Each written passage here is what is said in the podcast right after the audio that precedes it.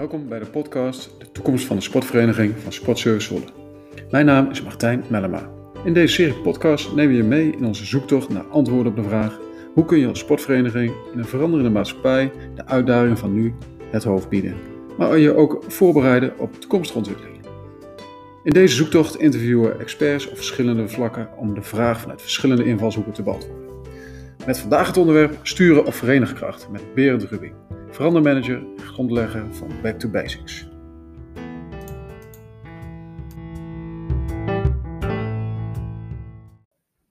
Berend Rubing, welkom in onze podcast over de toekomst van de, de sportvereniging. Uh, fijn dat je er bent. Uh, voordat we over de toekomst van de sportvereniging gaan praten, uh, wanneer stond jij voor het laatst op een uh, sportveld? Oei, nou, dat is wel een, een, tijdje terug. Misschien af en toe wel als toeschouwer. Maar voor het laatst op een sportveld, ja, knieproblemen en dergelijke meer. Ik denk dat het een tennisbaan was. En ik denk dat het toch wel langer dan tien jaar geleden is, zeg maar. Maar vroeger stond ik veel op het voetbalveld. en ja, geniet van eigenlijk alle spelletjes waar een bal in zit, zeg maar. En daar, daar mag ik graag snel achteraan rennen. Tegenwoordig ben ik een beetje aan het hardlopen om mijn fitheid bij te houden, maar uh, moet ik het ballen een beetje vergeten, helaas. Als oorsprong een teamsporter? Ja, absoluut. Ja, ja.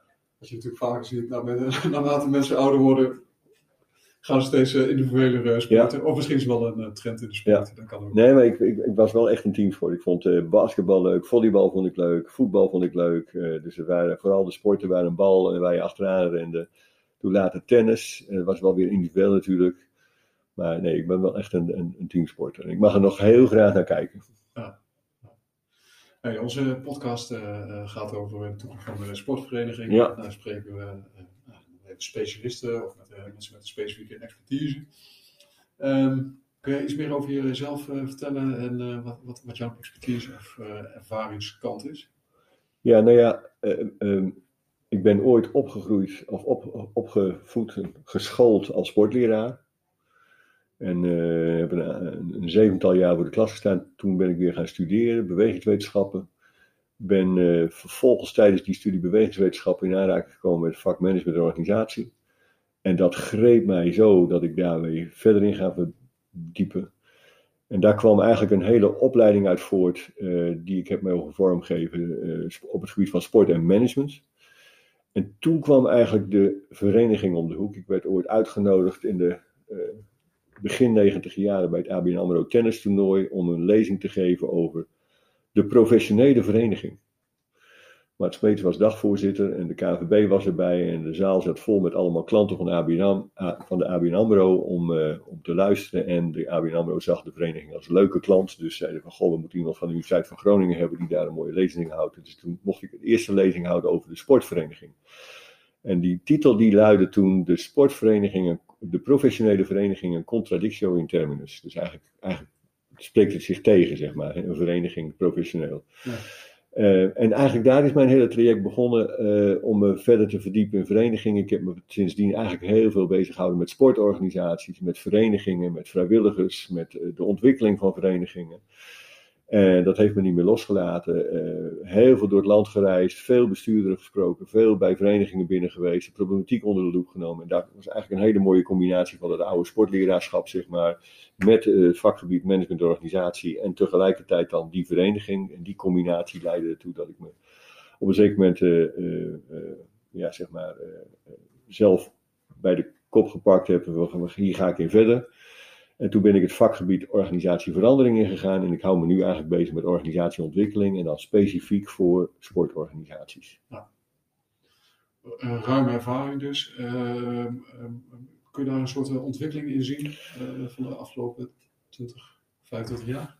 Ja, zeker een ontwikkeling bij mezelf. Hè? Want je, kijkt, je begint toch steeds meer je erin te verdiepen en dan krijg je steeds meer inzicht. Nou ja, goed, de, de, de, de, de, de weet, je, weet, je, weet, je, nog wat destijds je basisgedachte was over ja, de sportvereniging? Hoe ja, je? Ja, ja, zeker. Mijn, mijn basisgedachte was, ik kwam natuurlijk uit, uit uh, de economiefaculteit uh, met een bagage op het gebied van management, organisatie en bedrijfskunde. En mijn basisgedachte was, god, die verenigingen zijn wel heel amateuristisch georganiseerd, die moeten veel professioneler. Dus Waarom hebben ze geen uh, businessplan? Waarom hebben ze geen uh, marketingplan? Waarom zijn er geen functieprofielen? Uh, hoe wordt hier eigenlijk gemanaged en gestuurd en dergelijke meer? God, er is een hele wereld te winnen. Dus mijn basisgedachte was in, in, in de aanvang, ik kan hier heel veel kwijt bij die verenigingen.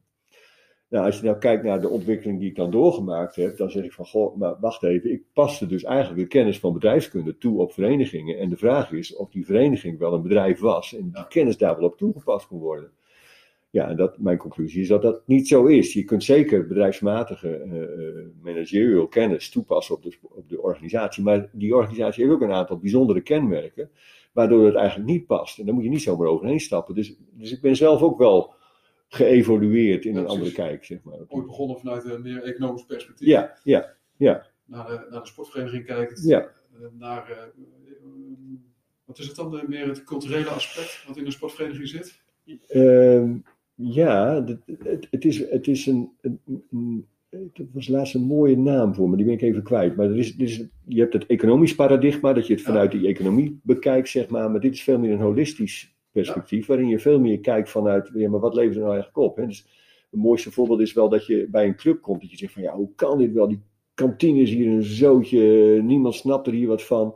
Maar die club die bestaat wel al honderd jaar en die loopt maar door. Hoe kan dat nou dan toch? Dus blijkbaar liggen er buiten dat, uh, ja, zeg maar, efficiency denken vanuit het economisch paradigma, vanuit het economisch blikveld, liggen er ook andere dingen ten grondslag aan die club.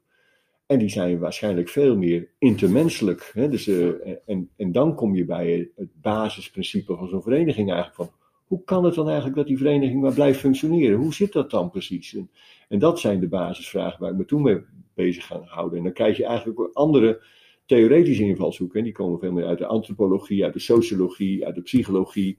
Uh, en natuurlijk ook wel uit die bedrijfskunde. Maar uh, als je dat allemaal bij elkaar pakt, kwam ik bij iets van, goh, maar misschien moeten we wel eens toch, toch vanuit een andere blik kijken naar dat functioneren. Daar kwam het woord ook verenigkunde, zeg maar, naar voren. Hè. Misschien is er wel een specifieke kennis uh, die, en dat is eclectisch, en dat je dat met elkaar bundelt, waardoor je ook toch weer anders naar zo'n vereniging kijkt. En dat heeft dus ook andere uh, ondersteuning nodig, andere manier van helpen nodig, of andere manier van managen nodig en ja. besturen nodig. Ja. Want uh, hoe werd er vroeger bestuurd? Nou ja, vroeger, dat is heel, heel vroeger, hè, dus heel vroeger was het op gezag. Hetzelfde gezag wat de, wat, wat, wat de dominee had of de, of de hoofdmeester had, zeg maar. Daarna was het uh, in de nieuwe generatie die kwam, een paar 60, 70 jaar, was het op, op status. Hè, dus ik, ik ben de man of de vrouw, en uh, meestal waren het mannen, en, en dan voegde het je ook iets toe. Ik was laatst in Duitsland, dat was nog wel grappig. Toen werd ik voorgesteld aan de vicevoorzitter van de, van de, van de verein. De vicevoorzitter van de vereniging, dat zou je hier niet mogen zeggen. Maar dat, in Duitsland is dat dus nog steeds zo. Heb je die, die hiërarchie die daar heel belangrijk is. Ik denk dat het uh, tegenwoordig uh, een van de belangrijkste knelpunten is in de vereniging. Wat is nou eigenlijk de rolopvatting van, van de bestuurder? Hoe denkt hij nou dat hij moet besturen? En een van de eerste vragen die ik ook vaak stel bij verenigingen als ik binnenkom: van wat, hoe, pak jij je rol eigenlijk op? Wat doe jij nou eigenlijk dan? En heel extreem heb je daar uh, mensen bij zitten zeggen: Ja, ik run een, ik run een bedrijf, Berend, en dit is net als mijn bedrijf, dus ik ben gewoon de baas en ik run dit bedrijf, om het zo maar te zeggen. Of als je iemand hebt die uit meer een, een bestuurlijke uh, overheidsorganisatie komt, die zegt: Ja, maar moet luisteren, Berend, dit is een democratie, dus ik, uh, ik ben gewoon die algemene ledenvergadering aan het voorzitten. Dus je merkt dat de rolopvatting vaak voortkomt uit de rol die men ook in de samenleving speelt. En de vraag is of dat altijd wenselijk is. En of die rol van bestuurder in die vereniging niet een aantal andere uh, eisen nog stelt aan jou, aan hoe je dat bestuurt. Ja, ja. en dan kent de historie natuurlijk meer de verzuiling. Ja. Uh, ja. Ik hoor jou de dominee zeggen. Ja. en zo ga je naar je katholieke voetbalvereniging. Ja. En, daar sluit je bij aan. dat is een soort waar je elkaar ook vindt, volgens mij. Hè? Vanuit dat, bijvoorbeeld vanuit het katholieke geloof bijvoorbeeld. Maar ja. dat is natuurlijk steeds meer aan het verdwijnen. Ja, ja dus, misschien wel goed om dat even te schetsen. Hè? Want, wat, wat de vereniging is ontstaan uit de zelforganisatie van mensen. Dus er zijn mensen zoals jij en ik, zijn bij elkaar gezeten aan een tafel en zeggen, zullen we een club oprichten? Zullen we, we, hebben zin in voetballen of, of, of, of, of we willen iets goeds doen voor de samenleving of uh, we, we, willen samen iets ondernemen. Dus er ligt een club op, die formaliseert zich, die moet je vastleggen dan zeg maar, juridisch. Hoeft niet altijd, hè, want voor de vakantie kunnen wij ook een clubje oprichten zonder dat we ons formaliseren. Maar 100 jaar geleden En dat was ook redelijk makkelijk, omdat de mensen die al bij elkaar aan tafel zitten, zaten, al redelijk gelijkgestemd waren. Die, die gingen naar dezelfde kerk of naar dezelfde school, woonden in dezelfde wijk. En dus was die cohesie, die, die, die bindingskracht tussen mensen, die was van nature al heel groot. Je, je, je dacht al op dezelfde manier over bepaalde dingen. Dus het was ook heel vanzelfsprekend dat je je makkelijk aan elkaar verbond. Uh, en dat is, dat is natuurlijk wel een, een basisprincipe van die vereniging, dat je die gelijk uh, geaardheid opzoekt naar elkaar. En vanuit dat die basiswaarden die je met elkaar deelt, ook een hele krachtige organisatie vormt, omdat je daar vanuit, vanuit die basiswaarden en normen heel veel voor elkaar krijgt. Daar is geen geld voor nodig. Je, je realiseert gewoon alles met elkaar. Ja, en wat er vervolgens gebeurd is, is dat ja, we hebben een ontzuiling van de samenleving gehad. We hebben een toenemende invloed van de overheid gehad, waar we dankbaar voor moeten zijn, omdat we daardoor een fantastische infrastructuur in Nederland hebben. We hebben overal velden en overal accommodaties en zwembaden en sporthallen, fantastisch. Maar er is wel een voorwaarde aan verbonden destijds, want de overheid vond dat die sportverenigingen wel heel belangrijk voor de samenleving waren. Eh, omdat zij ook een evenbeeld van de samenleving waren in democratische zin. Daar vond ook democratische besluitvorming plaats. Wat echter een doorn in het oog van de overheid was, was de ballotage die heel veel verenigingen hadden. Dat je dus eigenlijk aan de, aan de deur selecteerde. Dus zeiden ze, maar we willen wel die accommodaties voor jullie leveren, even heel plat gezegd. Maar dan moeten jullie die ballotage afschaffen. En doordat die ballotage in de 60, 70 jaren eigenlijk ervan afging, groeiden die verenigingen enorm. En die werden steeds groter en groter. En eigenlijk heeft dat het basisondermijnen van die gelijkgeaardheid wat ondermijnd. Want die toestroom leidde ertoe dat er dus ook allemaal mensen binnenkwamen in die vereniging. Die niet meer snapten waarom we nou eigenlijk bij elkaar waren. Maar dat veel meer als een soort winkel zagen. Ja, en dat leidde ertoe dat je in die periode ook steeds meer managerial kennis vroeg om die club te leiden. Terwijl, diverse ja, terwijl het oude management, het oude bestuur, dat was gewoon meer iemand die geaccepteerd was in de gelijke groep als zijnde de gezagdrager in die, in die waarden en normen, in die cultuur van die groep. Kwam er nu iemand die zei van, nou we moeten het even heel anders doen, want dit, is, dit lijkt nergens op. Dus het was veel meer die professionele managerial invalshoek van uh, we moeten deze tent runnen, want uh, anders komt het niet goed. Ja. En dat is natuurlijk prima, hè, dan heb je, maar dan is de vraag of het nog wel een vereniging is of dat het een bedrijf wordt. Ja. Uh, en, maar is het dan niet een, een gepasseerd station nu? als je kijkt naar hoe de samenleving zich ontwikkelt, individualisering. nou, er wordt vaak gesproken over consumentisme hè, van, van, van, leden. Ja. kunnen, we, kunnen we terug naar vroeger? Moeten we terug naar vroeger? Nee, nee we, moeten wel leren van vroeger, maar we moeten niet terug naar vroeger. Om zo te zeggen. Maar we moeten wel leren naar vroeger. Kijk, maar het is wel een interessante vraag. Of, of het een gepasseerd station is. Ik, ik denk dat wij de eenduidigheid en de eenvormigheid van hoe de sport georganiseerd is in Nederland, dat is nu over. Vroeger vroeg men mij, sport je ook weer? Dan zei ik ja. Dan zeiden ze, bij welke club dan? Dat was een logische redenering.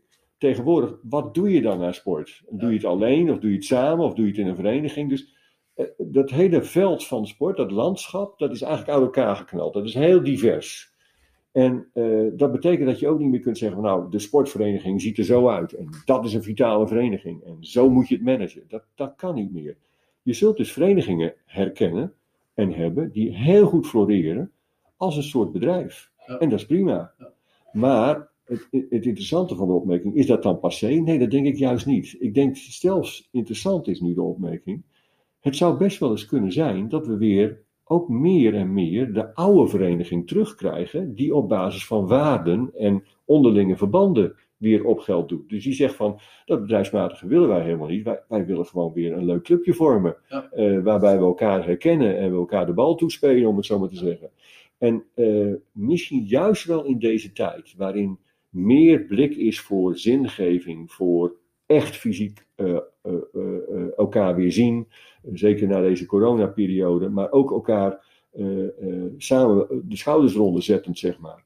Dat die waarde uh, juist weer extra onder de aandacht komt in een samenleving die arm is aan die waarden. Waarin we veel meer instrumenteel, consumentistisch bezig zijn geweest. Nu weer een nieuwe behoefte hebben om, hé, hey, waar vind ik nou nog echt de contacten met mensen? En wat nu boeiend is bijvoorbeeld, om dat te onderstrepen, is dat als je naar de corona perikelen kijkt die elke vereniging, waar elke vereniging mee te maken heeft, dan, dan zie je verenigingen die vooral op waarden drijven, waarin mensen de schouders er samen onder zetten, nu ook veel minder problemen hebben dan de verenigingen die zeggen van, oh, we moeten wel even juridisch kijken hoe het huurcontract loopt en uh, hoe zit het met onze geld en uh, uh, kunnen we de leden nog vasthouden volgend jaar. En die zijn veel meer aan de, wat ik dan noem, de bovenstroomkant bezig. Ja. Terwijl de florerende verenigingen een hele sterke onderstroom hebben. Ja, jongens, wij laten ons niet kleineren. Wij zetten de schouders toch even onder. Laat ons niet gebeuren. Dat krijgt ons niet klein. Dat komt wel goed, weet je wel. Ja. ja en, ik, en, en, ik denk dat we die kracht, uh, die heeft eigenlijk elke organisatie nodig. Ja. Dat we die ook weer uh, uh, terugzien in de sport als zijnde een belangrijke drijver onder onze organisatie. En, en, jij zegt dat is op basis van waarden. Ja, dus vind je elkaar, of hebben we gelijkgestemde. ja. Zo vind je elkaar. Ja, het is, het is, het, het, is een, uh, een, Op het moment dat je zegt van goh, we kunnen een organisatie inrichten, uh, dan zitten we automatisch direct te denken aan een structuur, aan functies en dergelijke meer. Terwijl uh, ik vaak zeg van, stel dat je met iemand een, een reis zou moeten maken, wie kies je dan? Ga je dan eerst naar de functieprofielen kijken en al dat soort zaken meer? Nee, je gaat kijken, waar heb ik een klik mee? En nou, dan zeg ik tegen mensen, wat bedoel je dan met klik? En ja, daar, moet ik me lekker bij voelen. Ja. wanneer voel je dan lekker? En het is bijna niet onder woorden te brengen, maar wel iets cruciaals als drijver om iets met mensen te doen. En, uh, en ik denk dat we dat heel makkelijk weggestopt hebben. En uh, gezegd hebben van, nou ja, maar dat kunnen we niet meten. Hè, dat wordt ook vaak gebeurd. Terwijl het wel cruciaal is voor het goed functioneren van die vereniging. Wat wij ontdekt hebben is bij goed functionerende verenigingen, is de sfeer goed? Ja, wat nou sfeer? Nou, mensen gaan leuk met elkaar om. Als ik er binnenkom, vind ik het gelijk leuk. Oh, maar dat hebben we helemaal niet in ons beleidsplan staan. Nee, maar het is wel cruciaal dus. En dat is, dat is volgens mij, um, uh, dan kom ik bij heel iets fundamenteels. Als je kijkt naar de, de drijvers van mensen, waarom ze dingen doen. He, waarom, we, willen dingen verkrijgen, we willen leren en ontwikkelen. Maar een hele belangrijke drijver en motief van mensen is je te verbinden met een ander. Ja.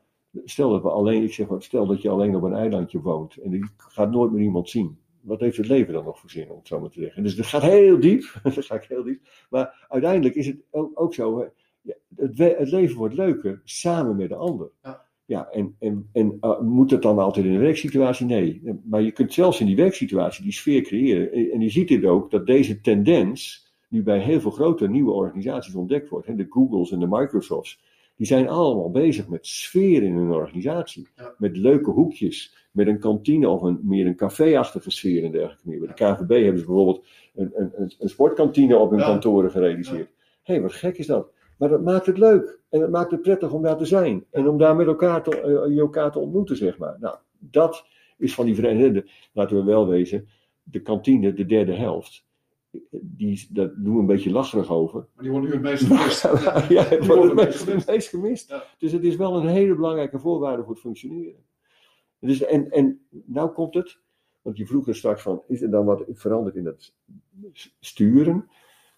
Wat we nu zien is eigenlijk dat we direct problemen vaak meer instrumenteel proberen te besturen met een soort managerial invalshoek. Terwijl eigenlijk we veel meer moeten sturen nu op die onderstroom op die waardenkant. Dus dat we zeggen, goh joh, hoe gaat het met jou eigenlijk? Laten we eens even bij elkaar even een biertje pakken of een kop koffie pakken om er eens even over door te keuvelen, om het zo maar te zeggen. Dat is dus heel anders sturen. Dat is veel meer sturen op betrek de mensen. Zorg dat mensen, dat je die, dat je die aanzet, dat je die, die laat, laat dingen laat doen in jouw organisatie. Dat je samen dingen op gaat pakken. En dat is dus heel anders sturen dan van, we moeten wel zorgen dat die contributie binnenkomt. Dat moet ook.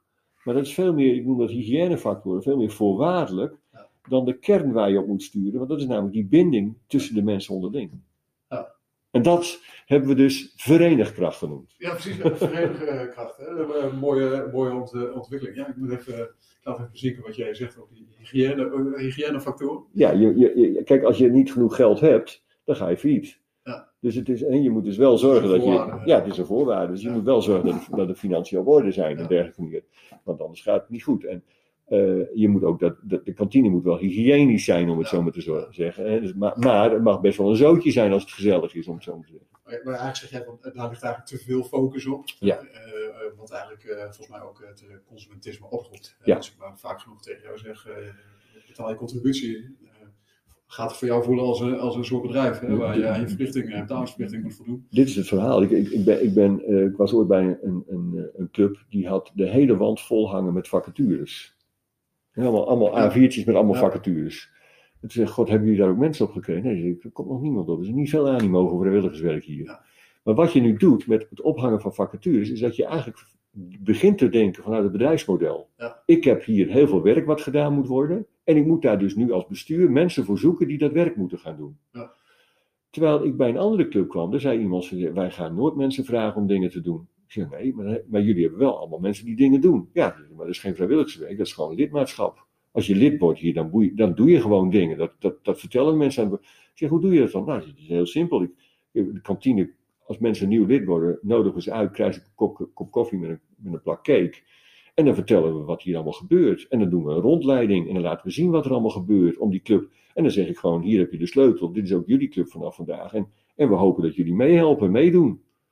En dan, hij zegt, over een half jaar ga ik jullie wel eens weer aanspreken. Hij zegt, de meeste mensen die ik aanspreek, die doen allemaal wat dan, want die snappen wel dat, dat, dat die club niet vanzelf draait. Maar ik vraag ze nooit, zegt hij ze snappen wel dat als, als ze niks doen, dat er wel een beetje raar gekeken wordt. Want dan hebben ze niet goed begrepen, om het zo maar te zeggen. Dus eh, het zijn twee uitersten, zeg maar. Hè? ik heb als bestuur, vraag ik jullie dingen te doen. Of ik als bestuur vertel jullie alleen maar hoe het hier werkt. Doe je best. Ja, de, eerste, de, de, eerste lijkt toe uh, functieprofielen ophangen uh, waar niemand op reageert. En nee. vervolgens staat de voorzitter op zaterdagochtend de cornervlag in de grond te steken. Ja. Ja, dat gebeurt letterlijk dus.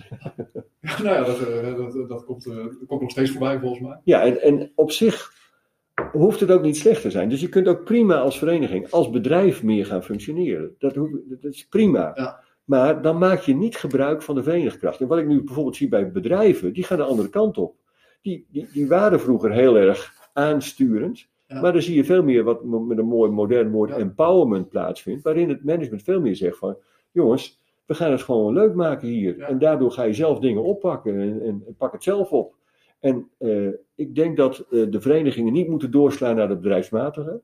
Je moet daar wel dingen van oppakken. Maar de oorsprong van de vereniging was die verenigkracht, die binding tussen mensen.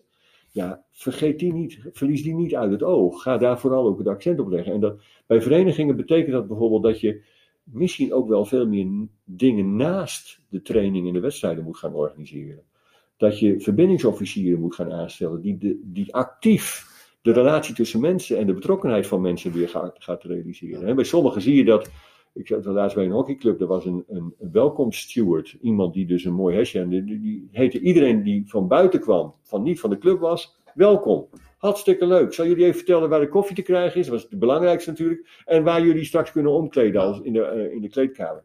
God, wat een leuke ontvangst. Totaal anders. Ja. Heel anders sturen, om het zo maar te zeggen. Ja. Dus ja, het is een mooie wereld, die vereniging. Ja, nou, is, is, is, zeker mooie wereld. Maar ik hoor je aan het zeggen, uh, de bestuurder van een vereniging. die hiërarchische lijn is er misschien wel steeds meer uit. Maar het vraagt heel veel van de competenties van uh, een bestuurder, hè, zoals jij het schetst. Hè, om uh, bijvoorbeeld uh, die waarden op te halen in je vereniging. Ja. Of misschien moet je hem helemaal niet ophalen. Maar hoe, hoe, kijk je daar tegenaan, naar die competenties van een bestuurder? Ja, ik, ik, zou, ze, ik, ik zou zeggen van wat, wat belangrijker is, is de competentie van het bestuur. De competenties van het bestuur. En als je, het, als je het helemaal empowert, dan gaat het niet, dan, gaat, dan is een van de belangrijkste competenties van het bestuur is te zorgen dat andere mensen gemotiveerd en geïnspireerd zijn om dingen te doen. Ja. En de kracht van de vereniging is dat er zoveel mensen rondlopen die zoveel kennis en expertise hebben en competenties hebben, dat een goed bestuur weet die mensen te vinden en te activeren. En dat is volgens mij een hele belangrijke vaardigheid. Dat je, dat je geïnspireerd, geïnspireerd raakt door een bestuur en daardoor ook dingen zelf gaat oppakken. Terwijl in veel, veel uh, situaties het bestuur verantwoordelijk wordt geacht voor al het werk wat er gedaan moet worden. Alle en alle problematiek. En dat we met de armen over elkaar bij de algemene ledenvergadering zitten en zeggen, nou, eens even kijken of de bestuurder wel goed gedaan heeft, zeg maar. Want ze, ze mogen toch blij zijn dat ze door mij gekozen zijn, maar nu moeten ze wel even verantwoording afleggen wat ze allemaal nog niet gedaan hebben. En wat ze vooral niet gedaan hebben. En dat is volgens mij iets wat we juist, het bestuur is één van ons. En uh, de wij-zij verhouding die daar vaak ontstaat, die is desastreus voor het functioneren. En eh, dan is het natuurlijk goed dat eh, eh, je natuurlijk in het bestuur een soort dwarsdoorsnede van kennis en vaardigheden hebt. In, Maar de belangrijkste die iedereen moet hebben is, kan ik andere mensen aanzetten, motiveren, stimuleren, betrekken? kan ik het loslaten? dus, dat is, maar dat, dat, vraagt dus iets van een soort bestuursstijl die wel een beetje in je moet zitten. Als je van nature van ja, ik ben, ik, ben, ik ben gewend de baas te spelen. En je bent dan de bestuurder, of je, je komt binnen en je hebt een pot met geld mee in je binnenzak. En je zegt van ja, we willen volgend jaar uh, de hoogste divisie spelen. Dus, uh, en ik ben sponsor en ik ben nu voorzitter. Dus uh, we gaan het even helemaal anders doen. Terwijl het een oude jongens krentenbrood club is. Dat past dan niet, zeg maar. Dus het gaat erom, past het profiel van het bestuur bij datgene wat die club ook vraagt. Ja. En deze vraag die ik nu stel, hè, past dat? Die wordt vaak niet gesteld. Dus, dus welke, welk stijl en welk type bestuurder en hoe je bestuurt, past dat bij deze club? Ja. In plaats daarvan wordt de club bijna gestuurd door mensen die zeggen van ik bepaal het stempel op die club of ik zet het stempel op die club, zeg maar. Ja. Dat, is, dat is wel gevaarlijk. Ja. En dan heb je natuurlijk wel te maken met uh, bestaande situaties, uh, bestaande bestuurders, bestaande culturen. Stel dat je dat nou wilt veranderen, hoe doe je dat dan? Je kan niet in één keer zeggen, het vraagt ook een hele kritische blik naar jezelf. Hè? Ik ben uh, secretaris, ik ben voorzitter van, van, van de sportvereniging. Ja. En om dan deze blik naar jezelf, op die manier naar jezelf te kijken, van ben ik eigenlijk wel, heb ik dat leiderschap of weet ik mijn verhaal te verkopen? Dat, ja. dat vraagt ook best wel een bepaalde ja. kritische blik. Ja, nou, ik, ik, heb goede voorbeelden gezien, dus in die zin, uh, dat, dat is wel mogelijk. Het is wat we wel doen, wat we, we hebben het woord procesbegeleiding geïntroduceerd, waarin we zeggen van, goh, misschien is het handig dat je dan een externe, neutrale persoon meeneemt om. Maar de belangrijkste opmerking die ik kan maken in dit, in dit verhaal is dan eigenlijk van zorg ervoor dat je oploopjes gaat organiseren, waarin je zegt van, um, als ik deze club wil ontwikkelen, en misschien wel een nieuwe koers of een verhelderende koers die we moeten varen, doe dat dan niet vanuit de bestuurskamer. Maar doe dat dan samen met een dwarsdoorsnede van de club. En betrek daar zoveel mogelijk mensen bij. En doe dat ook weer niet door middel van een enquête, waarin je iedereen bevraagt en dan in de bestuurskamer, bestuurskamer beslist hoe je dat gaat doen. Laat een proces ontstaan waarin je gezamenlijk, eh, en ik noem dat rebooten, waarin je de, de club eigenlijk herontdekt. En doe dat niet op van hoeveel ballen moet het eerste team dan hebben en hoeveel ballen moet het tweede team hebben. Dat mogen wel uitkomsten zijn, maar doe dat vooral op basis van waarden. Wat voor club is het eigenlijk? Waar staan wij voor? Wat zijn onze kernwaarden? Gaat het hier om voetbal of om basketbal?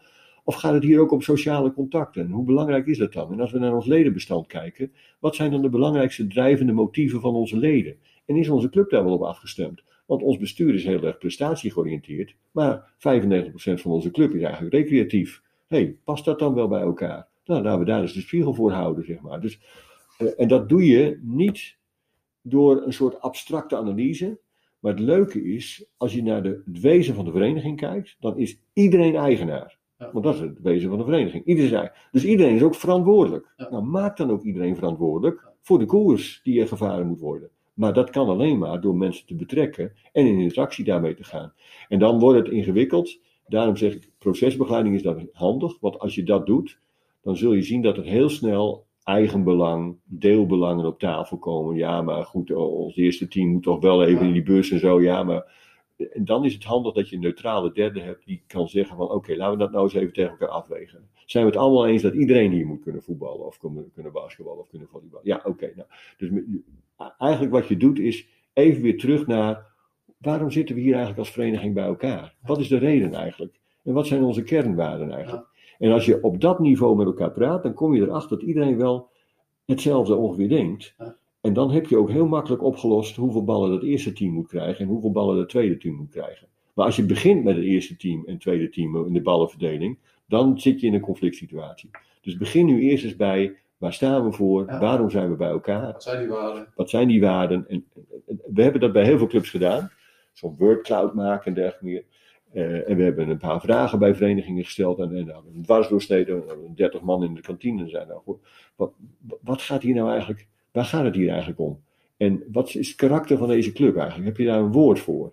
Nou, dat mensen opschrijven. En de tweede vraag was dan vaak van, en, en, en uh, wat gaat hier nooit veranderen? Wat zal hier nou nooit veranderen? Nou, mensen opschrijven.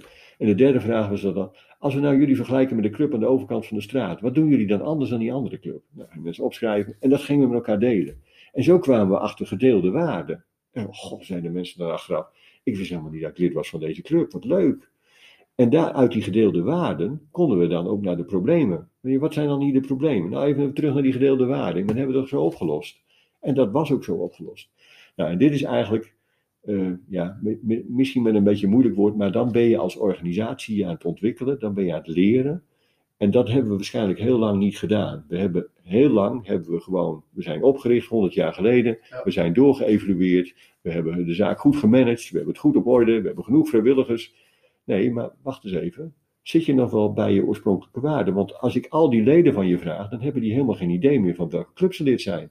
Nou, dat moet je dus wel helder hebben. Omdat, en dat moet je misschien wel meer helder hebben bij een vereniging dan bij andere type organisaties, waar dat heel makkelijk duidelijk wordt gemaakt in een beleidsplan. Bij een vereniging is dat beleidsplan van geen waarde als niemand zich daaraan houdt. Het gaat veel meer om hoe gaan wij met elkaar om? Wat leeft hier? Wat is de sfeer hier? Vind ik het leuk om hier naartoe te gaan, zeg maar beleidsplannen worden steeds meer vanuit uh, dat uh, bedrijfsperspectief ja. opgesteld. Ja, dus ik zeg niet dat het er niet moet zijn, er moet er wel zijn, maar... Ter verantwoording aan mijn leden. Ja. Ik heb in ieder geval een, een, plan. Los van of je het uitvoert en invulling aan. Nee, dus, dus, dus, dus wil je die koers... Ik zou zeggen van, waar zit de binding? Waar zit de verbinding? Waar zit de betrokkenheid? Hoe is men betrokken? Waar zit de gezamenlijkheid in onze vereniging? We zijn nu bezig met, uh, als wij zeggen, je zou meer aandacht moeten besteden aan die onderstroom, dus aan die waarden en normen en die verbindingen, die binding tussen mensen. Want als dat goed is, dan ben je een hele krachtige organisatie.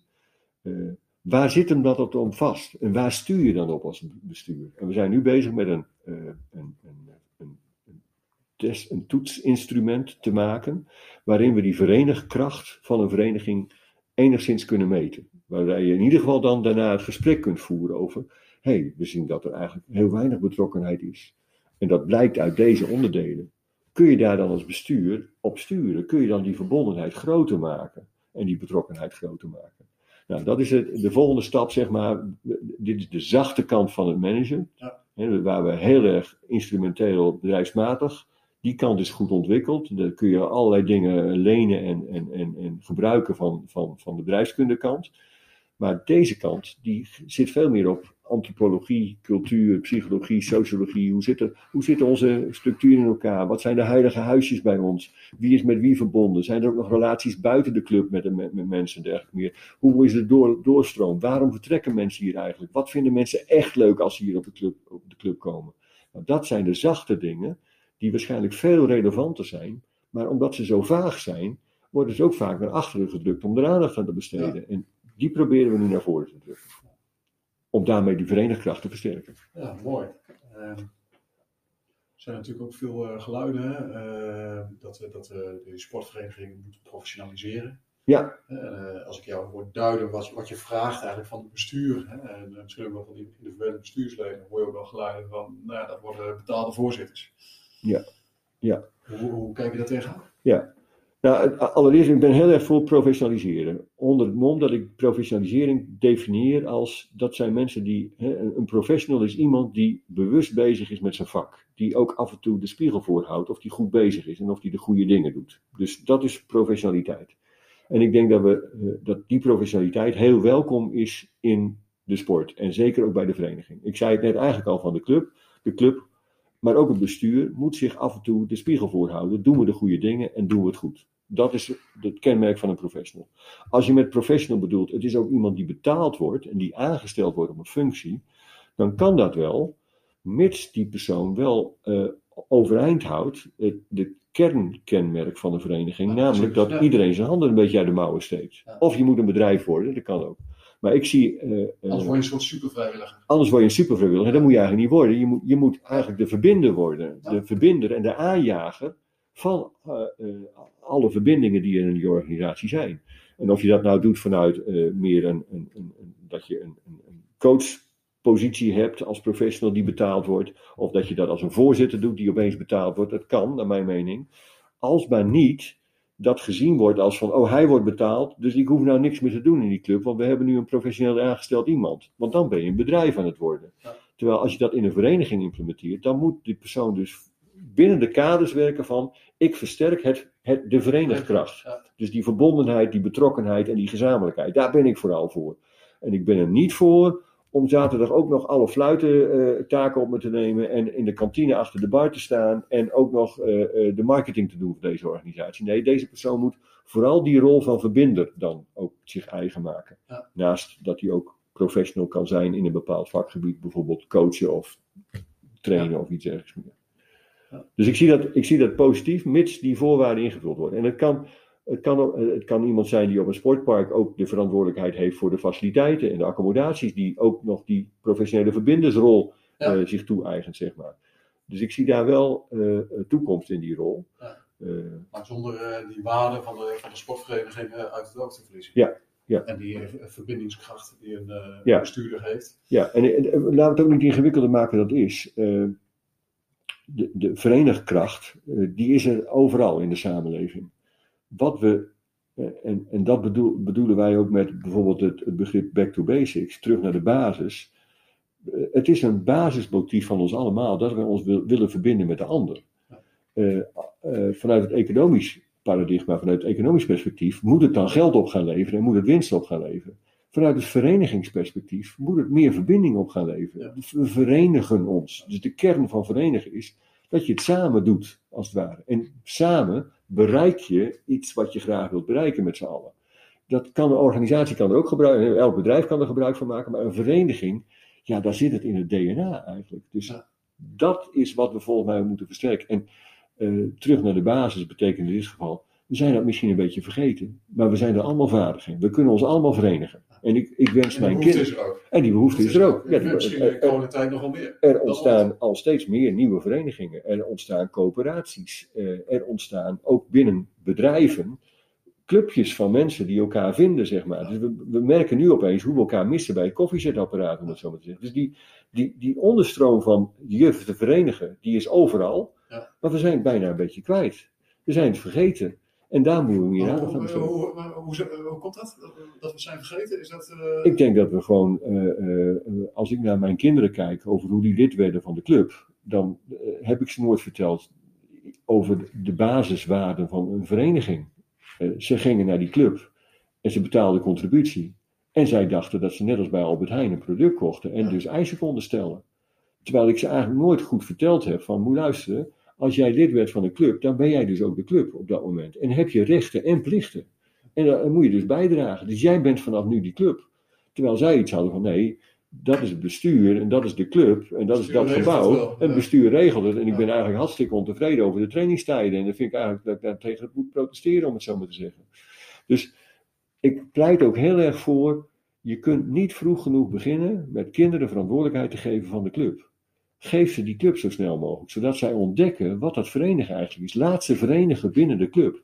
Want we moeten onze nieuwe generatie, onze jonge generatie, die moeten we niet lid laten worden van de club van mij. De club van de grijze mannen van vroeger, die de, wel even de scepter zwaaien. Maar, maar- maar pak even een doorsnee van jeugdcommissies bij sportverenigingen. Nou ja, ja, weer. ja. Dan zijn dat eh, eh, die mensen. Ja. eh, die voor, Ja, voor nou, de en jeugd je voor zult, ja, je zult versteld staan hoeveel verantwoordelijkheid 12, 13, 14-jarigen kunnen dragen in een club. Die kun je gewoon een budget geven en daar ze mee aan de slag gaan. We- Zet, zet er dan wel iemand van mijn leeftijd tegenaan die ze helpt, maar in hun kracht zet. Maar die het niet overneemt. Die gewoon zegt van, oké, dus mijn taak is dus nu eigenlijk het verenigen over te dragen aan een nieuwe generatie. En wat wij doen is, wij, wij wijden ze in in onze vereniging, in onze verenigingswereld. Terwijl hun verenigingswereld is die van een appje. En dan hebben we alweer een vereniging, om het zo maar te zeggen. Dus nou ja, er is, eh, dit is misschien een beetje zendingswerk. Nou ja, dat zijn natuurlijk dat zijn, allemaal maatschappelijke ontwikkelingen die Ja. gewoon plaatsvinden. Hè? Eh, Ja. Jij zegt eh, een appje, maar dat is natuurlijk de realiteit. Hè? Ik zag een tijdje terug een, een, tweet voorbij komen van een lege bestuurskamer op zaterdagochtend. Ja. Want in het kader van digitalisering, uh, je, je, hoeft niet meer naar uh, Nee. een kopje koffie te pakken, naar de bestuurskamer, spelersnamen in te vullen. Dat hoeft niet meer. Want Nee. je hebt een appje, dan kun je thuis op vrijdagavond kun je dat al invullen. Ja. Welk teampje, jongetje, Ja. invullen, vink en klaar. Ja. Dus we treffen elkaar niet meer in de, de bestuurskamer. Ja. Dus, dus, dus de oude gedachte dat je dus een algemene ledenvergadering hebt waar iedereen moet komen, dat hoeft niet meer. Sterker nog, de vraag is: heb je nog wel die algemene ledenvergadering nodig? Want die zou er een alternatief voor mogelijk. Maar de vraag is ook, hoe, eigenlijk is de kernvraag: hoe betrek ik al mijn leden bij de besluitvorming op hoofdlijnen van deze club? Want we zijn een democratische organisatie. En dat kan via de digitale snelweg tegenwoordig veel makkelijker, zonder veel omwegen. Hè. Vroeger zei ik. Uh, wil je een goede algemene ledenvergadering, moet je gewoon hele goede bitterballen hebben. Dan is er een grote opkomst en dan wordt het leuk, weet je wel. Uh, na verloop van tijd zeg ik van, als je een goede ledenvergadering hebt, zorg dat je in ieder geval niet achter een tafel zit met een kleedje. Wat ook zo is. Dan krijg je namelijk automatisch de wij-zij-verhouding. Ja. Ga gewoon staattafels realiseren en loop door de ruimte heen. Maar tegenwoordig zou je kunnen zeggen van, ja, je, je kunt voor elk probleem, kun je gewoon even een app de deur uitsturen. En laat iedereen daar gelijk even op reageren. Dus je hebt eigenlijk maatwerkbesluitvorming, democratisch, in je organisatie. Zonder dat je daar jaarlijks die algemene ledenvergadering voor nodig hebt.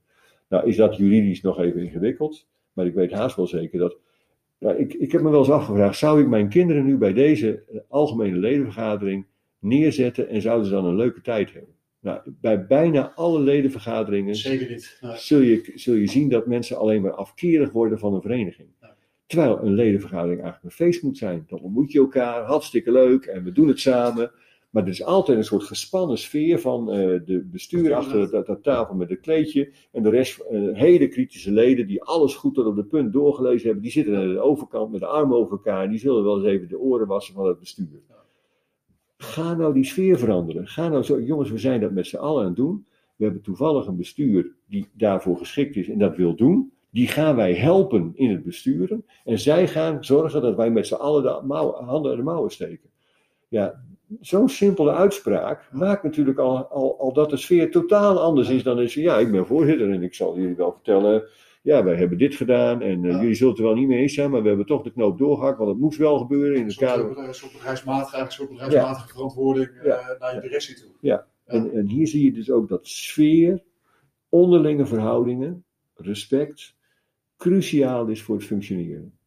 En ja, je kunt wel die bedrijfsmatige kant op gaan, maar dat, dat, is, dat is veel lastiger, veel ingewikkelder. Dat moet je, moet je ook steeds meer doen. En dan moet je misschien straks als bestuur zeggen, ja, kost me zoveel tijd, ik ben er dag en nacht mee bezig. Ja, en er is niemand anders die het wil doen. Nee, dat snap ik dan ook wel. Hè. Ja. Dus het maakt het ook wel heel ingewikkeld.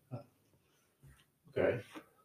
Ja, als je eh verenigkracht, eh hetgeen wat jij nu allemaal verteld hebt, hè, eh, en, eh, ik ben eh, bestuurder van een vereniging, ik luister deze podcast. Ehm, wat- wat- welke tips zou je ze mee willen geven? Oeh, dat kan, kan maar mijn boek wel even. Ja, boek nou, eh, misschien wel goed om dan even je boek te noemen. Nou ja, het, het boek Back to Basics geeft heel veel tips, hè, dus in, in die zin. Maar even vanuit het woord verenigkracht, dat is misschien wel. eh, Kijk, de kracht van een vereniging om zich te verenigen, dat is hoe- in hoeverre de leden in staat zijn zich met elkaar te verbinden. En, eh, en samen oplossingen en, en een sfeer te creëren waarin je zegt van, god, dit gaat lekker. En eh, ik zou zeggen van, als bestuur eh, kun je niet genoeg aandacht geven aan dat proces van verenigen. En eh, als je zegt, ja, maar hoe doe ik dat dan? Dat zijn hele simpele dingen. Van met mensen in gesprek, mensen met elkaar verbinden, schouderklopjes geven.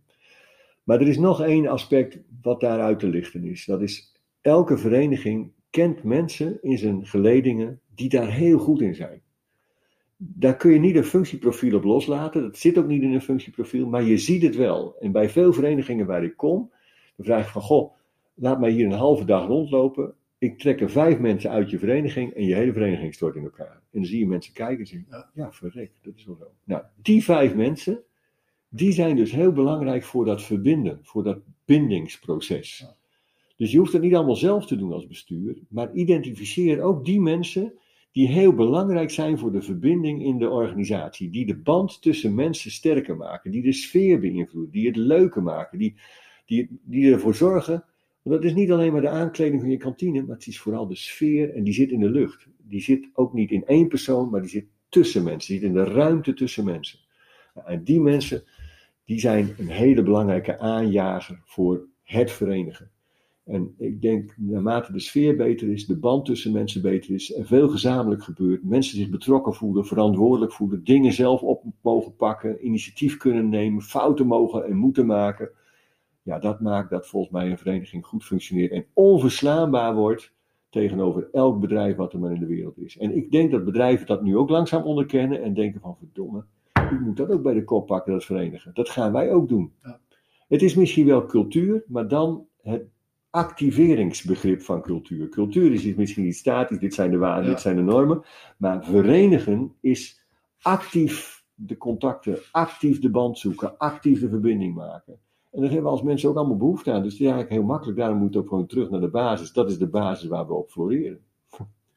Mooie, mooie slotpleidooi en afsluiting van deze podcast. Dirk. Dankjewel. Eh, eh, mag ik jou heel erg bedanken voor eh, eh, het delen van, van je kennis en je visie op eh, de sportvereniging. Graag gedaan. Dankjewel.